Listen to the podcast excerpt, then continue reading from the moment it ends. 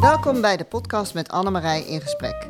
Ik ben Annemarij Merotijn, loopbaancoach en in deze podcast ga ik in gesprek met mensen zoals jij en ik over de wendingen in hun loopbaan. Bijzondere loopbaanverhalen die jou kunnen inspireren in jouw zoektocht naar meer plezier in je werk, een nieuwe baan of misschien een betere balans tussen werk en privé.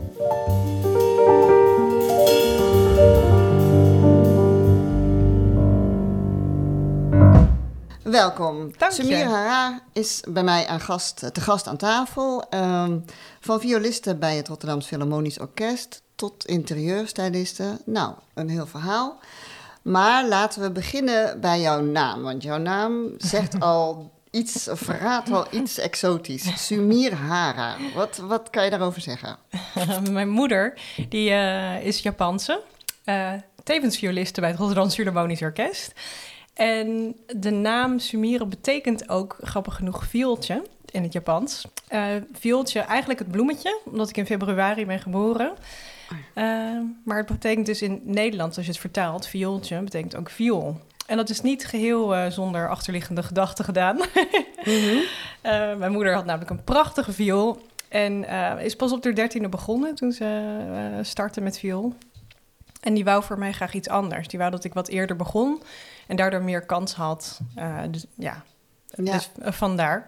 En ik weet natuurlijk, ik heb een beetje eh, mezelf ingelezen... dat jij dus op vijfjarige leeftijd begonnen bent. Ja. Maar had jij zelf ook interesse in die viool? Had je echt zoiets van spannend, dat wil ik wel doen? Of was het meer dat je moeder dacht van, god, dat is goed voor haar?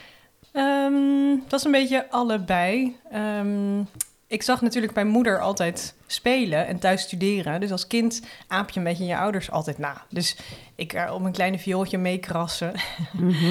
en eh, intekenen in de orkestpartijen als ze aan het studeren was. Dus dat, ja, dat, dat was gewoon kind eigen. En op een gegeven moment, ehm, dat deed ik al eerder. En toen ik vijf jaar oud was, toen werd ik op vioolles gezet inderdaad.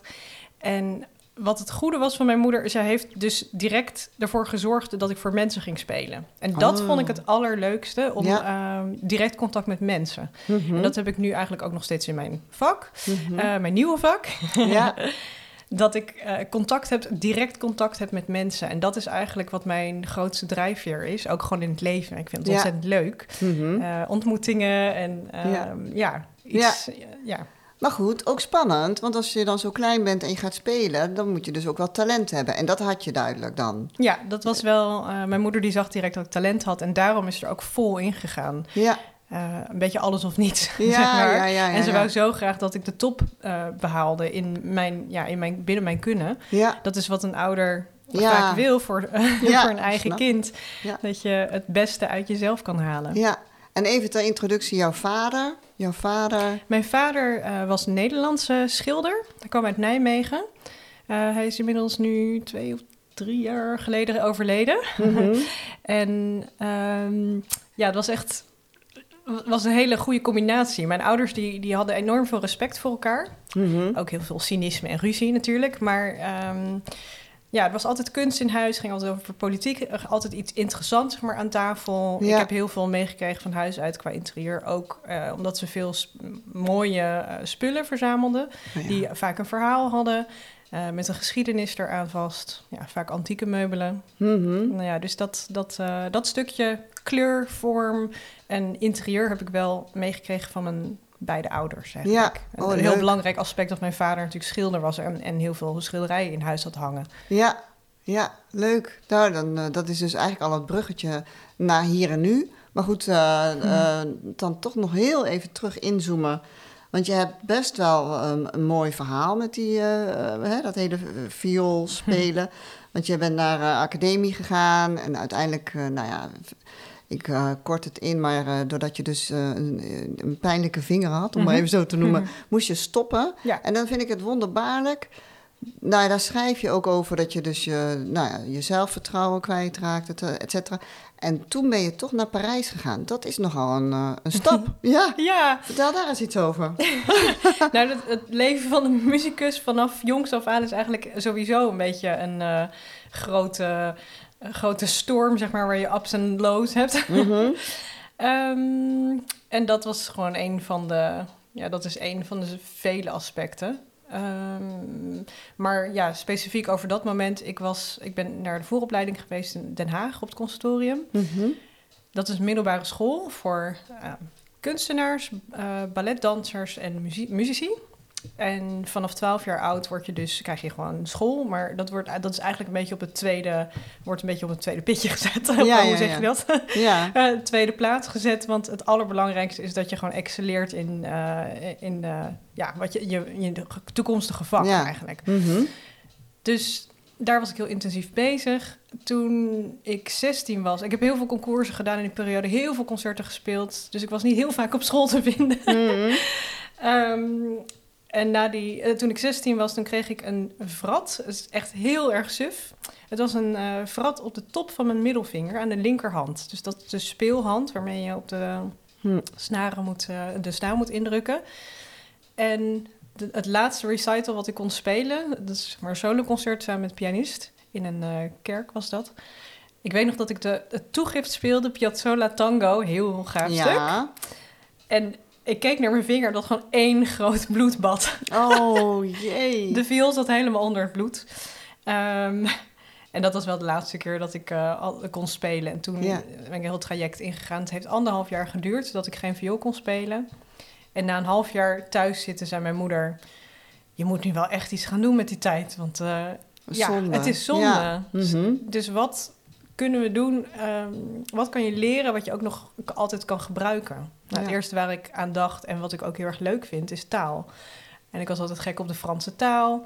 Ehm, het zangerige daarvan, zeg maar eh, Franse muziek, Ravel, dat soort eh, componisten.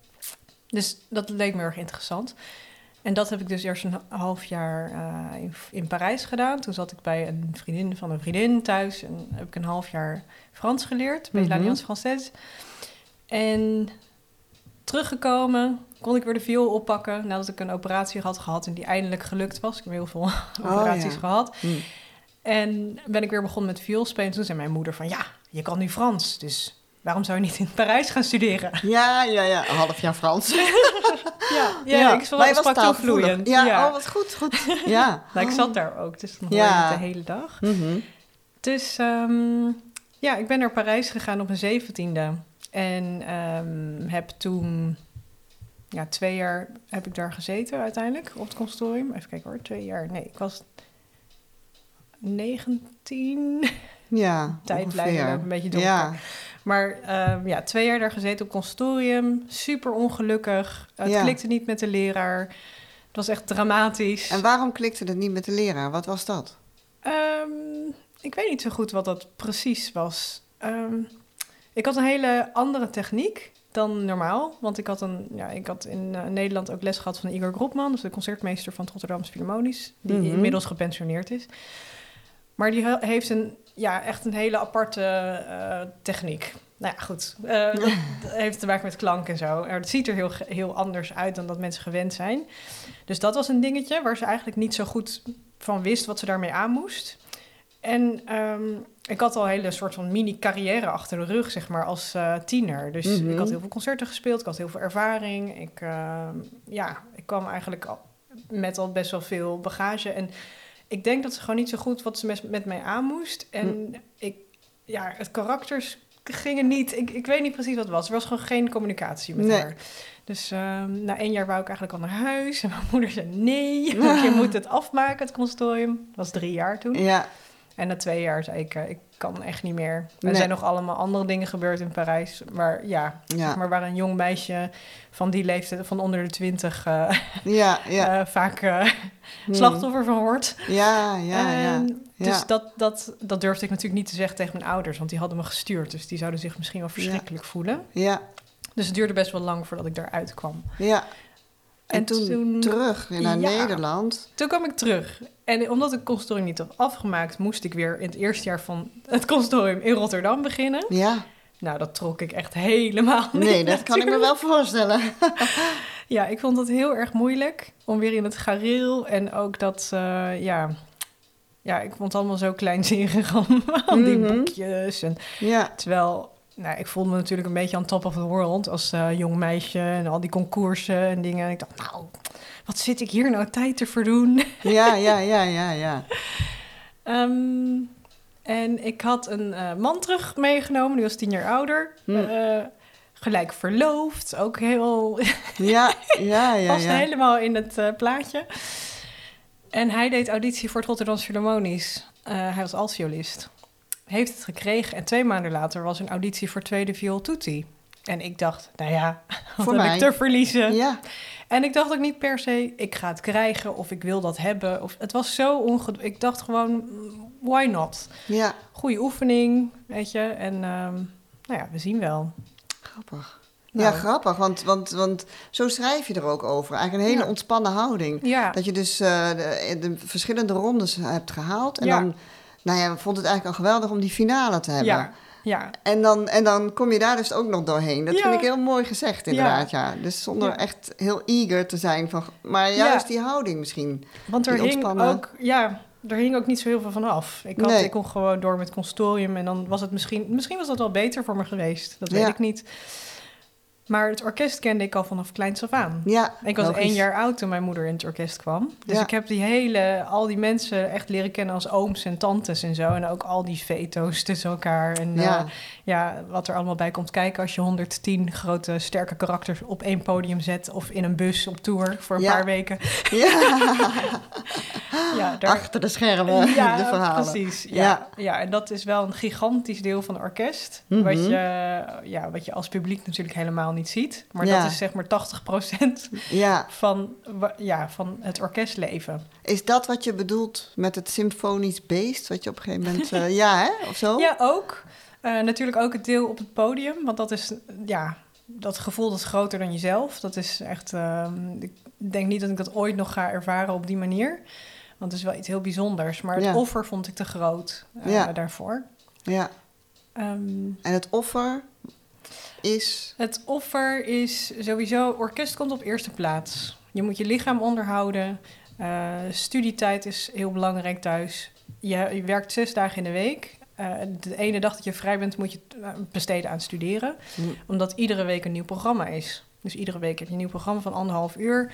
Dat zijn niet gewoon Tchaikovsky's en zo, maar het is echt malers zoals de eh Strauss. Weet je, echt van die hele heftige dingen, eh, stukken die voor violisten met name gewoon heel zwaar zijn, fysiek. Ja. Plus we zijn een van de weinigen in het orkest die altijd spelen. Dus je Hmm. hebt geen pauze. Violen, let maar eens op, je ziet ze altijd spelen. Ja, ja. Blazers hebben pauze. Eh, ja, vaak hebben de, eh, de slagwerkers, die, hebben, die zitten ook heel lang te wachten. En daar is helemaal niks mis mee, want die hebben ook gigantische verantwoordelijkheid. Dat is ook heel moeilijk. Maar fysiek is het gewoon heel zwaar Ja. voor violisten. Ja. Oh, grappig. Eigenlijk nooit zo... Ja, ik bedoel... eh, ik zal het gezien hebben, maar nooit zo bewust zoals je het nu vertelt, weet Ja, je wel? ja. Ah, dat is interessant. Eigenlijk is het Ja. eerste, dat is het eerste waar je aan denkt bij bal- ballet eh, companies. Ehm, Nationaal Ballet en zo, als je dat ziet, denk je, oh, die moeten echt zoveel inleveren, moeten zoveel werken daarvoor en zo. Ja, dat, dat, maar dat is eigenlijk, die maken dezelfde, bijna dezelfde uren als wij. Ja. Maar dan, ja, dan is dat wat meer obvious, omdat ze met hun lichaam, zeg maar, heel erg, ja, Hmm. dat is hun asset. Ja. Dat is wat je ziet. Ja. En daarbij komt natuurlijk het sociale aspect. En dat is wel een van de dingen waar ik eh, grootste moeite mee heb eh, binnen de orkestwereld. Ehm, ja, en dat is eigenlijk ook wel de. Dat heeft wel de doorslag gegeven. eh, de manier waarop er met je wordt omgegaan. Vroeger werd je nog gerespecteerd omdat je muzikus was. Dat gebeurt nog steeds in andere landen eigenlijk. Hè. Dat in Nederland is wel echt heel erg... het is een van de landen waar, waar je eigenlijk als orkestmuzici- eh, nooit dat respect zal kunnen krijgen. Of die Allemaal waardering. Allemaal maar gewoon. Ja, het Ja. wordt je vaak gevraagd of je nog iets anders ernaast doet of zo. en in, in ja. Duitsland bijvoorbeeld is het, oh maestro, wauw, weet je wel, fantastisch. Krijg je drie keer het salaris van hier. Ja, ja, ja. Ja, dat is wel anders geregeld. Maar goed, alles voor de kunst, hè, met de Mhm. grote K. Mhm. Ehm, sorry, ik ben eventjes punt, mijn punt kwijt. Ja, nou goed, eh, je had het over het sociale. Dat, dat, wel, eh, dat jou dat zwaar eh, Ja. viel. Dus Ja. Dus ehm, ja, wat ik net zei, hè, dat je zo'n grote groep mensen op podium die allemaal sterk karakter hebben, allemaal een eigen mening, super kritisch zijn, zelfkritisch, maar ook kritisch op anderen. ja. Dat, dat is gewoon een soort van broeinest voor, ja, voor, wat zou ik zeggen, hoe, ja, voor spanning. Ja, Onderliggende spanning, dat is een heel, ja, eh, dat is gewoon waar je iedere dag in leeft. Zes dagen in de week. Ja, En ja, wordt gewoon heel. Dus van binnenuit, je collega's, maar ook vanuit het management, hoe er met je wordt omgegaan. Inderdaad, dat was mijn. ja, ja, ja, ja. ja. Dus eh, ja, bijvoorbeeld, ik, had een, ik heb een burn-out gekregen. Mhm. Ik was alleenstaande moeder toen, Elo- werd alleenstaande moeder toen eh Eloïse één jaar oud was. Anderhalf jaar oud. En een burn-out gekregen. En toen kreeg ik zoveel eh, op mijn bord. De, de bedrijfsarts die zei... Maar ik heb zelf eh, eh, wel vijf kinderen en ik heb nooit een burn-out gehad. En dat bestaat helemaal niet. En eh, Oh. je moet blij zijn met je plekje hier. Een bedrijfsarts zei dat tegen jou? Ja. Goh. Ja, en ook vanuit het management zelf. De inspectie heeft echt gewoon in een uh, achter gesloten deuren. Uh, met z'n tweeën, weet je wel, dat ik alleen zat in mijn burn-out. Terwijl ik echt niets aan kon. Ik kon geen licht verdragen. Ja. En dan zetten ze je in zo'n situatie. Ja. En um, ze hebben uiteindelijk zo ver doorgepusht dat ik uiteindelijk riep van... hoe kunnen jullie me zo in de hoek duwen? Ik, ik zou het liefst gewoon hier weggaan. Mm -hmm. Zei ze, nou, dat is, dat is wel een goed idee dan. Oh, dus dat ja. was uiteindelijk hun doel. Want ze vonden mij een labiele, Mm. uh, ja, gewoon onstabiele factor. Mm. En in het, ja, als je in een orkest zit, dan moet dat gewoon nummer één zijn. Dus denken, nou, je bent alleenstaande moeder. Uh, weet Ja. je, burn-out, dat komt vaak terug. Nou, uh, ja. daar moeten we wat aan doen. Dus dat heeft mij zo getraumatiseerd. Ik vond dat zo naar, de manier waarop dat is uh, gegaan. Dat, uh, ja, het, het, voelde als een soort defeat. Dat, Mhm. ik, dat ik toegaf aan het uh, aannemen van de loopbaancoach. Tegen wie ze trouwens ook hebben gezegd, ze zoekt naar een nieuwe baan. Ja, ja, Terwijl ik dat zelf helemaal niet, niet ja, had aangegeven zo. Um, maar dat was wel iets waar ik overheen moest stappen. Hmm. Gewoon voor mezelf te kiezen en te denken... nou, weet je wat, het is ook, het is ook echt beter als ik hier uitstap. Want ik Hmm. wil, ik wil niet zo leven tot uh, mijn 67ste. Dat, uh, en het wordt, het wordt alleen maar slechter. Ja. Dus ik zie het ook niet verbeteren. In de, in de twaalf jaar dat ik daar heb gewerkt... Uh, zag ik het alleen maar slechter worden qua sociaal en financieel. En ja, Ja. dus, Ja, dus het werd een beetje jouw keuze uiteindelijk. Het werd uiteindelijk mijn keuze, wel met pijn en moeite. Want uh, ja, ik voelde me natuurlijk ontzettend uh, in de maling genomen. Mm. En, en alsof het niet mijn keuze was. Maar ik heb toen een loopbaancoach gesproken. En eer, in eerste instantie zochten we, zochten we het wel een beetje binnen de perken van... nou, je wil nog veel spelen, maar op een andere manier. Misschien wil je kamermuziek spelen ik heb echt iets, ik wil sociaals bijdragen aan de maatschappij. Dus ik dacht, nou, misschien kan ik iets met bejaardentehuizen doen. Uh, ik heb heel veel ervaring met ouderen. Zeg maar, omdat mijn vader natuurlijk wel, ja. die was 25 jaar ouder. En hij was dementerend. Mijn oma, die, uh, uh, mijn Japanse oma, was ook dementerend. Dus ik heb, ik heb veel contact gehad met, uh, met ouderen. En ik dacht, misschien kan ik dan zo op die manier iets toevoegen. Maar dat was toch altijd hing er wat aan de strijkstok. Ja, maar zeggen. mooi, mooi gezegd. Heel mooi gezegd. En um, ik dacht dat de enige, uiteindelijk kwam ik erachter dat de enige manier om echt te gaan werken aan dat trauma, om dat echt eventjes uh, apart te nemen, dat de enige manier was om dan iets nieuws te starten en misschien iets nieuws te leren, dat ik ook uh, een, ja, een andere kijk op de wereld misschien zou kunnen hebben. Ja. Want ik wist helemaal niet wat er was buiten de orkestwereld. Nee. En als je daarin opgroeit, want ik ben echt letterlijk opgegroeid in die wereld. Mijn moeder nam me ieder, iedere week ging ik naar de concerten. Ik, was, ik rende daar rond als kind. Ik heb bij Gergiev op schoot gezeten. Simon Rattle geknuffeld. Weet je wel? Als kind ben je zo Ah, immersed dat dat is de wereld. En als je daarin presteert, nou dan, dat is de enige, zeg maar, dat is het enige wat er bestaat. Ja. En, en, dan ineens heb je niks. En verder is er ook niets hogers dan Nee. de kunsten. Dat is ook Ja. iets wat je van huis uit meekrijgt de hele tijd. Mijn vader kunstenaar, mijn moeder violiste.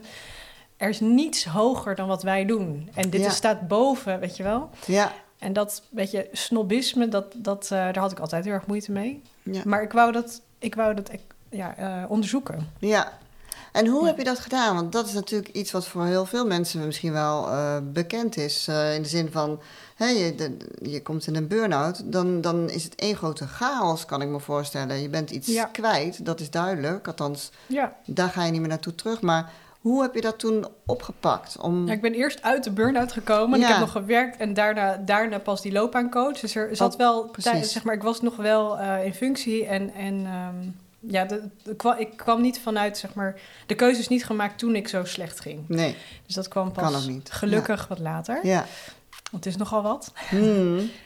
Ehm, sorry, wat was je vraag? Ja, dus en toen dus de, eh, de- ben je in, toen je in rustige vaarwater kwam, ben je dus met een loopbaancoach en ben je eh, erin gegaan verdiept en ben je uitgekomen op het nou ja, Ja. interieur. En je vertelde al een beetje aan het begin hè, dat dat ook een beetje wel van thuis uit. eh, Ja. Maar goed, dat is toch leuk hoe je dat ontdekt hebt. Van goh, dat is misschien. Ja, dat was eigenlijk. ehm, ik had het huis hier gekocht in Haarlem. Mhm. En dat huis, dat was totaal, daar moest echt alles aan gebeuren. En toen had ik een kans om het helemaal vanaf nul op te bouwen. Dus ik kon de tegels kiezen, de, eh, weet je, het houtwerk en al dat soort dingen. En de vorm van de ramen en zo. En het is zo ontzettend mooi geworden en fijn, zo'n fijn huis. En ik besefte me toen wat, hoe belangrijk het is dat je een, eh, een fijne thuisplek hebt.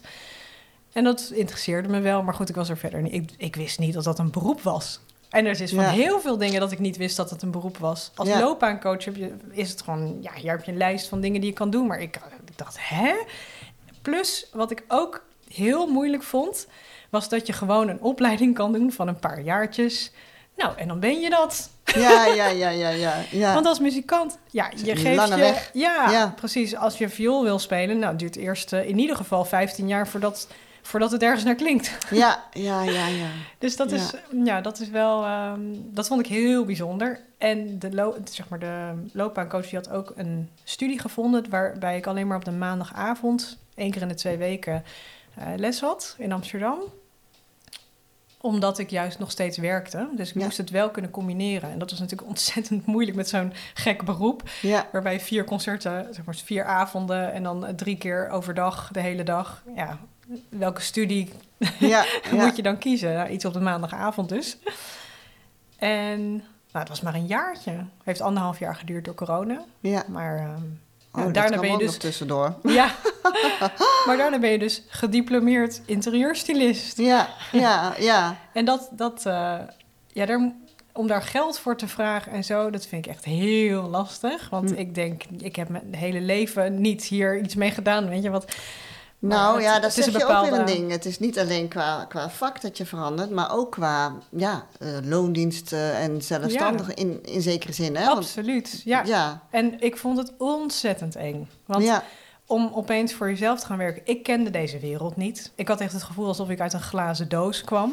Ik had altijd gewoon loondienst gehad. Ik, alles werd verzorgd. Als je op tournee ging, bus, alles. Je hoefde nergens over na te denken. En, toen kwam ik opeens... overal. Ja. En toen kwam ik opeens in de wijde wereld. Ik dacht, kan ik dit wel? Nou ja, dan Ja. doe je dat gewoon. En dan zie je dat je het gewoon kan natuurlijk. ja, Maar daarvoor, voordat je die stap zet, weet je dat niet. En die Mhm. onzekerheid en die angst, ehm, dat is wel iets wat eh, heel moeilijk is om overheen te komen. En ik denk dat dat de reden is waarom er ook veel mensen die stap niet wagen. Omdat je kiest voor eh, onzekerheid, waar, waarbij je geen idee hebt wat je, wat je staat te wachten. ja, Of misschien op papier wel, maar Ja. in realiteit is dat natuurlijk wel... eh, ja, dat is gewoon moeilijk. Maar Ja. ik dacht, joh, ik heb een kind. Ik had een burn-out, toen ging het ook. Dus ja, ja, ja, ja, ja, ja, ja, ja. ik kan alles. Ja, Dat ja. probeerde ik dan tegen mezelf te zeggen. Maar Nou, heeft wel geholpen dan, denk ik. ja, In zekere zin. ik denk dat het krijgen Ja. van een kind wel ook iets heeft veranderd in mijn hoofd. Ja, kan je daar iets meer over zeggen? Wat, wat dat dan... Nou, het feit Is- dat je een kind op de wereld zet, zeg maar, het hele proces van eh, m- moeder en die hele zwangerschap en zo. Ik had echt geen idee. En dat besef je ook pas als je het hebt meegemaakt. Ja, wat voor impact dat heeft op je lijf, op je, op je, eh, ja, je hoofd, op Ja. je hele zijn, ja, hoe je de wereld eh, ziet. Ja, dat. eh, ja, ja, dat is een mooie parallel. ja, ja. Zo van, eh, dat is ook eh, totaal onbekend en je het is je wereld gelukt. verandert Ja. compleet. Ja. En je weet echt niet wat je te wachten staat, behalve op papier. Ja, Maar ja, precies. ja, niemand kan het je uitleggen. Ja, En dat is, dat is met dit nu ook wel eigenlijk. Ja, het is gewoon heel lastig om die stap te zetten. Maar als je hem eenmaal hebt ge- gemaakt, dan ga je die stappen wel zetten. Zeg maar. Ja. dan, dan moet je gewoon die stappen zetten. En dat gaat eigenlijk vanzelf. En Ja. als je dan iets hebt gekozen waar je, waar je echt van geniet, dan. eh, Dat is denk ik ook een hele goede wat je daar zegt. Ja. Hè? Dat is ook eh, Ja. een moti- motiverende gedachte. Ja. ja. En voor mij is het grootste, eh, wat ik zeg maar vorm, kleur, dat soort dingen vind ik al- allemaal fantastisch. Maar mijn grootste, eh, hoe heet dat? Eh, Drijfveer. mijn grootste drijfveer is eigenlijk eh, het direct contact met mensen. Mhm. Als je op het podium zit en je speelt viool in zo'n grote groep, 15 minuten na het applaus moet iedereen in de bus zitten en je bent weg. Je Ja. ziet geen publiek, je hoort het applaus. Dus aan het applaus hoor je wat mensen ervan vonden. Maar je hebt niet dat directe contact waar ik juist als kind in de, die bejaardentehuis en zo... zag ik wat voor impact dat had op die mensen. Ja. En hoe ze opleefden. En eh, ja, wat voor... Ja. ja. En dat zie ik nu dus weer terug in mijn werk. Ja, nou dat vind ik ook wel leuk. Ik heb natuurlijk een beetje op jouw site eh, gekeken. Leuk. en wat je daar ook schrijft, eh, van goh, je volgt geen trends, Nee. maar het gaat om echt om de persoonlijke verhalen. En dat wil je teruggeven in, de, in het interieur. Ja, Ja. zeker. Ik vind dat super belangrijk. En kan je daar iets over vertellen, hoe je dat eh, aanpakt? Ik bedoel, iemand belt bij jou aan en dan, ja, ik wil een nieuwe woonkamer. Of eh, mijn woonkamer eh, matcht niet meer. Ja, nee, dan maak ik eerst even een ja, inventarisatie van wat, er, wat ze graag willen. En dan maak ik een pakket. En dan krijg je eerst de offerte natuurlijk. Ja, Ehm, hoe ik dat aanpak. Ja, eigenlijk nu dat ik in de winkel werk, heb ik een andere manier gevonden waar ik eigenlijk wat meer mee. Ik wil meer die richting opgaan, ook voor mijn eigen interieur. Want tot nu toe, door de corona ook, was ik, ging het vooral online. Dus ik kreeg foto's, een beetje eh, wat ze wouden. En dan ging ik daarmee aan de slag. Ik kon eventueel langskomen, dan kon ik de ruimte een beetje in me opnemen. Ehm, maar alles is dan ja, online. Je maakt, ik maak een mooie PowerPoint, kan je overal op klikken op de linkjes, zodat je direct naar de eh, meubels en ehm verfkleur en alles wordt geleid. Maar het is, ja, het is niet tastbaar, zeg maar. Voor, en en ehm, nu dat ik in de winkel sta, hebben we alles bij de hand. Dus we hebben de, de kleurstalen, we hebben de gordijnen, dat soort en behang Ja. allemaal bij elkaar liggen. En dan kan je veel meer ook voelen eh, wat die persoon voor jou nodig heeft. En vaak gaan er dan misschien twee of drie boeken, nou, soms wel één ja, inmiddels. ja. eh, eh, le- leg je open en dan, dan zie je gelijk wat voor impact dat heeft op iemand. En dat, ja, dat heb je niet als je. Leuk eigenlijk. Online. Sorry dat ik je onderbreek, maar ik zit nu Ja. ineens weer helemaal ook aan jouw vader te denken, weet je wel. Dat Ja. komt ook een beetje nu terug, hè? Die, die, die kleur en die creativiteit. Wat vonden Ja. je ouders van deze switch? Afschuwelijk. Ja, mijn moeder had natuurlijk helemaal bedacht dat, ze, dat ik violiste zou worden. En dat, ik het misschien wel verder zou schoppen dan zij. Maar ik kwam ook in de tweede violengroep. En daar mopperde mijn vader ook wel eens vaker over. Van, ah, tweede viool. Ja, ja. Ehm, nou, nu moet je weten dat mijn vader best wel een cynische man was. En eh, heel ingewikkeld. Echt heel eh, lastige, een hele lastige relatie had ik met hem. Mijn moeder met hem trouwens ook. Maar door respect denk ik dat het toch gelukt is, die Mhm. relatie. Mhm. Ehm, en hij was aan het dementeren toen ik die switch maakte. oké. Ehm, Dus het was vooral je moeder die dan en hij is, waarschijnlijk... ja, hij is overleden eigenlijk op het moment dat ik echt stopte bij het orkest. Oké. Dus wat dat betreft heeft hij niet helemaal meegekregen. Hij zei altijd, je moet bij het orkest blijven, vastigheid. Dat is ook een Mhm. beetje die generatie, hè, denk ik. Ja, Van eh, vastigheid is belangrijker dan wat je leuk vindt. ja, ja. Ehm, Ja, en ik kan Ja. me voorstellen dat dat dus extra moeilijk is geweest eh, in het zetten van die eerste stap. extreem. Want eh, Ja. eh, hoe, heb je dat, heb je, hoe heb je dat aangepakt? Ehm, ik denk dat ik eerst in mezelf moest duiken. Vooral omdat het natuurlijk mijn, mijn eigen beslissing was om iets anders te gaan doen. Ehm, ja, het was niet per se dat ik bang was om het vooral mijn moeder te vertellen. Maar dat ik van mezelf iets los moet, moest maken van de verwachtingen van mijn ouders. Want ik heb het eigenlijk, vond ik dat super belangrijk, wat mijn ouders ervan vonden. Ook de waardering van mijn vader, waar ik dus niet zo'n goede, zulk goede contact mee had. Ehm, ja, als hij iets aardigs zei, dan was het meestal over viool. En nou zei hij dat nooit zo direct. Dan zei hij zo tegen iemand anders, eh, tegen mijn zus bijvoorbeeld. Nou, is hier, eh, die heeft tenminste een baan in het orkest. En jij zit een beetje aan te rommelen. Dan zei hij tegen mij, nou, Els Marijn, die heeft... eh, Ja, ja, ja, ja, ja, ja, ja. Maar ja, dat heeft een heel, hele grote rol gespeeld in mijn eh, keuzes. Hm. Altijd. ja. Dus daar moest ik wel iets aan doen van binnen. En wie heeft jou geholpen? bij het Ehm. zetten van die eerste stap? En wie had je veel? Ehm, ik denk dat ik best wel alleen was op dat moment eigenlijk. Want dat is sterk. Ja. Ja. ja, het is ook best wel lastig. Mijn, mijn vriend die is eh, basgitarist. Mhm. En voor hem is dat echt zijn leven. Het is zijn levenselixer. Mhm. Hij kan echt niet zonder een soort zuurstof. En hij kon zich niet inbeelden dat je bij een van de beste orkesten van de wereld... dat je daar dan weg uit wil stappen Mhm. om dan ja, huis te gaan inrichten. Ja. Dat snapte hij echt niet. Maar hij heeft wel heel erg zijn best gedaan om daar dan over te praten en zo. Maar eh, ja, daadwerkelijke steun in het... om, ja. Nou ja, hij heeft wel steun geboden natuurlijk. Maar het echt daarover eh, praten en enthousiasmeren... en het samen echt voelen. Het samen voelen, dat, dat is natuurlijk hartstikke lastig. Ja. Gewoon. Ja, maar dan kwam ik. het, dus je bent toch in- vanuit jezelf, die, heb je die stap gezet. En dan heb je dus toch reacties gekregen. Althans, je hebt Ja. eh, inmiddels eh, interieurs aangepast enzovoort.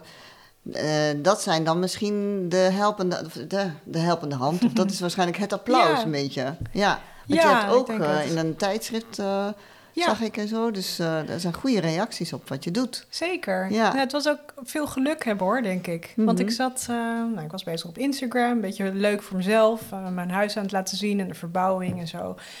En dat werd steeds groter, steeds meer mensen gingen kijken. En toen gingen mensen van bladen die ontdekten dat en zo. Dus de Ariadne is geweest bijvoorbeeld. Mooi, jij zegt dat is ook wel geluk hebben. Dat Ja, noem je dan zeker. geluk hebben. Ja, ja. Terwijl, terwijl het eigenlijk enkel en alleen aan jezelf te danken is. Nou, ik heb ze niet actief benaderd. Of ik heb ook niet echt... eh, Instagram ben ik ook niet begonnen met het idee van... Oh, daar haal ik wat uit of zo. Totaal niet. Maar, eh, maar ik- mensen vonden jou. Ja. Ja. en ik denk ook dat als je mm, eh, ja, echt dat, iets uitdraagt, zeg maar, zonder, zonder dat je daar per se iets mee wil of, Ja. of zo, dat dat ook wel iets kan doen. Maar ja, dat is, wel, dat is ook een groot deel geluk. Ik denk dat, ik bedoel, hoe zijn ze op mijn account gekomen? Ja, ik weet het niet. Nou ja, dus eh, ja. eh, Hartstikke leuk. Ja, nou ja, goed. Ja, zo gaan die dingen. Mensen zitten online, et, et cetera. Maar eh, wat jij hebt gepost slaat aan. Ja, dat is kennelijk. natuurlijk wel zo. Ja, Ja, ja, super en het is wel mooi, want het is ook bij eerder hè, met, het, eh, met die finale eh, hè, bij het Rotterdamse uh, Philharmonisch Orke- Orkest, dat je dan die finale haalt en dat dat voor jou al voldoende is, Ja. los van welk resultaat en dan kom je daar. Ja. En nu heb je eigenlijk ook een beetje die instelling gehad van Ja.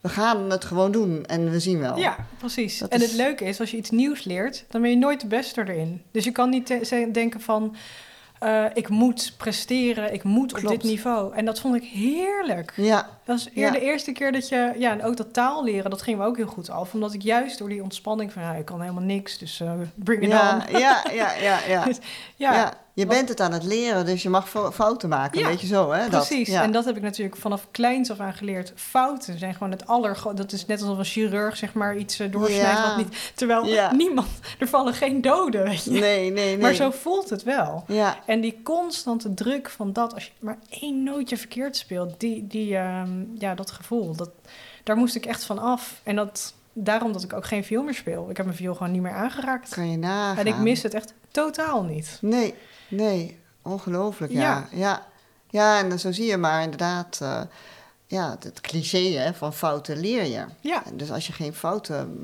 mag maken of dat niet ge- geoorloofd is, ja. dan, dan komt er spanning. Ja. ja, ja. Mooi. Mooi. Ja, en ja, ik ben dan ook altijd wel weer nieuwsgierig. Zo'n vraag van, nou weet je, er zijn natuurlijk nu heel veel jonge mensen die bezig zijn met studiekeuze. Hoe Ja. moeilijk is dat als je niet een eh, droom of, Ja. Of een richting door of je ouders. van je ouders, voilà, inderdaad. Heb je daar eh, nog, ja, als je zo terugblikt aan hè, jouw hele reis, je hele avontuur die je gemaakt hebt, nog een, een advies of een tip? Ehm, nou, ik denk vooral dat eh, nou, het cliché is natuurlijk volg je hart. Maar ik denk ook, eh, wat ik vooral heb geleerd van deze ervaring, is dat je. ehm, dat, dat je. Als je ergens toe zet, dan kan, dan kan dat ook. Dus je hoeft niet vast te zitten in iets. Ik voelde me zo vastzitten in wat ik deed. Als violiste train je natuurlijk vanaf vier jaar oud. Ben je alleen maar bezig met die viool. En dan het idee alleen al dat je iets anders kan, dat is gewoon zo ver van je bed. als je ergens, maar wat ik heb geleerd dus, is dat als je ergens aan begint, dan is het ook wel oké om daar dan op een gegeven moment te denken van, nou ja, als je 35 bent, kan je ook nog wat anders uh, doen. Ja, ja. Je kan nog wat anders leren. En natuurlijk, weet je, is dat moeilijk en je leert wat minder snel misschien, of nou ja, maar uh, ik heb wel geleerd om me niet zo vast meer te voelen. Mhm. En niet meer zo paniekerig te zijn over, oh, wel, hoe moet dat dan tot mijn 67ste? Uh, Ja. Want dat, ja, Ja, ik denk ook wat je, dat het heel waar is wat je zegt. We zitten ook in een hele andere samenleving en een maatschappij die Ja. veel sneller verandert. ja, En het dus een meerwaarde is als je in die verandering ook makkelijker mee kan. Er Ja. is nul garantie nee, dat precies. je tot je 67ste um, de een en dezelfde baan eh, Ja. kan behouden. En dat is echt anders dan vroeger. Ik denk Ja. dat onze ouders, zeg maar, dat, eh, ja, dat toch anders hebben beleefd dan wij. ja. Gewoon omdat de maatschappij zo eh, verandert. En dan is het weer extra belangrijk, geloof ik, dat je inderdaad jezelf goed kent. En, en weet wat voor jou belangrijk is of wat je leuk vindt om te doen, waar je Ja. plezier uit haalt, wat je ook al zei. Zeker. Ja, precies. En ook niet bang te zijn om te leren. Precies. Want dat is, weet je, ik zeg ook altijd, iedereen kan alles leren. Als je bij, een, eh, eh, bij mij in de winkel hebben iemand die, eh, die je gordijnen doet. En dat is hartstikke lastig en zo. En dat is veel rekenwerk. En, maar ik denk soms ook van, ja, weet je, dat kan je natuurlijk ook gewoon leren. Ja, Iedereen doet er zo bang over van, oh nee, maar dat is echt zo moeilijk. En zo, ja, ja, je Ja. zet je schouders eronder en... ja, ja, dus ja, om je gewoon niet te ge- gelimiteerd te voelen in wat je kan. Want je, je, het is echt heel erg Pippi Langkous, dit realiseer ik me nu. Maar je kan zoveel. Ja. En dan heb je misschien meer aanleg voor het een of het ander. Als je iets anders iets leuk vindt en je hebt er geen aanleg voor, nou, dan werk je er gewoon keihard voor. En, Ja. en dan, weet je. ja, En soms lukt het niet, soms wel. Ja, god, het leven is toch te, te kort. Ja, ja, doen. Doe het gewoon. doe het gewoon. Ja. Heel mooi. Iedereen kan alles leren. Nou, ik denk dat het een hele mooie afsluiting is. Heel veel dank. Eh, nou, ik eh, zou zeggen iedereen naar de website van sumirhara.nl. En eh, nou ja, dank voor je komst en dit gesprek. Heel leuk, dankjewel. Dit was de podcast met Annemarij in gesprek. Een podcast waarin ik aan de hand van persoonlijke werkverhalen inzoom op de keuzes en belangrijke momenten in iemands loopbaan. Wil je geen aflevering uit deze serie meer missen? Abonneer je dan in je favoriete podcast-app. Leuk dat je geluisterd hebt en hopelijk tot de volgende keer.